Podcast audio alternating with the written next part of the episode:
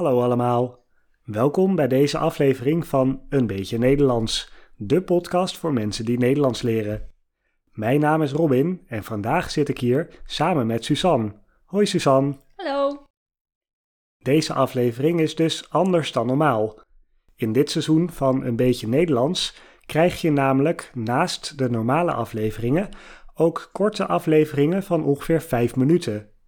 Die gaan over iets typisch Nederlands dat alle Nederlanders kennen, maar niet-Nederlanders misschien nog niet. Samen met een gast leggen we dat onderwerp uit. Vandaag is het dus zo'n aflevering van typisch Nederlands.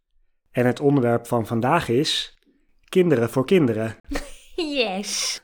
Wil jij uitleggen wat kinderen voor kinderen is? Ja, eh, oké. Kinderen voor kinderen is een koor van kinderen. Wat is een koor?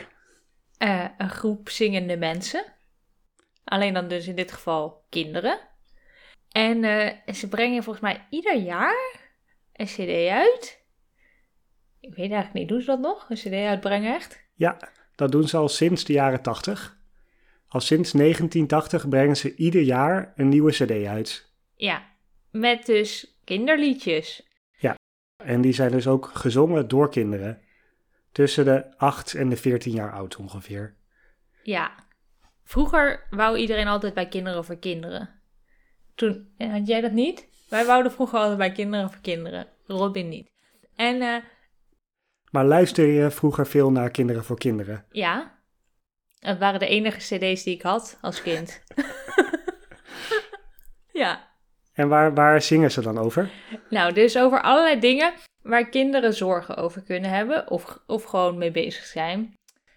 Over vervelende ouders, vriendjes, Pesten, pesten, verliefd zijn, opgroeien, toch? rare dromen. Het zijn allemaal maatschappelijke thema's die voor een kind belangrijk zijn. Ja, Daar komt het een beetje op neer. er was ook bijvoorbeeld zo'n liedje over dat je dan op vakantie in een hele warme auto moest en dan naar ruïnes moest kijken van je ouders, terwijl je gewoon zou willen spelen op de camping. Da- dat is waar kinderen dan mee bezig zijn. Heb je een favoriet kinderen voor kinderen liedje? Ehm, ja, mijn favoriet is denk ik Op een onbewoond eiland. Op een onbewoond eiland. Dat is wel een goeie. En jij? Oh, eh, ja, dat is een goede vraag. Nou, die over op vakantie in de warme auto. Ik weet niet hoe die heet, maar dat was wel een favoriet. Nee, hè, vandaag niet weer, hè. Niet opnieuw die hete auto in. Dat heeft toch helemaal geen zin. Of zomaar wam in vuur en vlam. Waar gaat die over? Dat je verliest hoor, denk ik. Zomaar wam in vuur en vlam. Goed, dat. En ehm, ik heb zo waanzinnig gedroomd. Dat is ook Ja, een klassieker. ik heb zo wa wa wa waanzinnig gedroomd. Ja.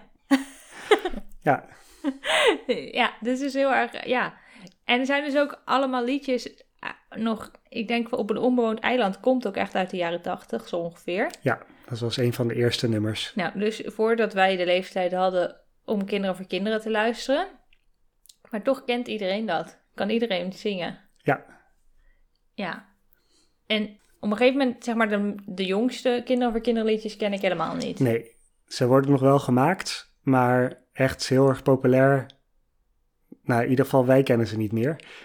Misschien dat kinderen nog wel ernaar luisteren, maar Ik, het is niet meer dat iedereen ze kent. nee, maar ik praat nu ook niet zo vaak met kinderen van die leeftijd. Nee, dat is waar.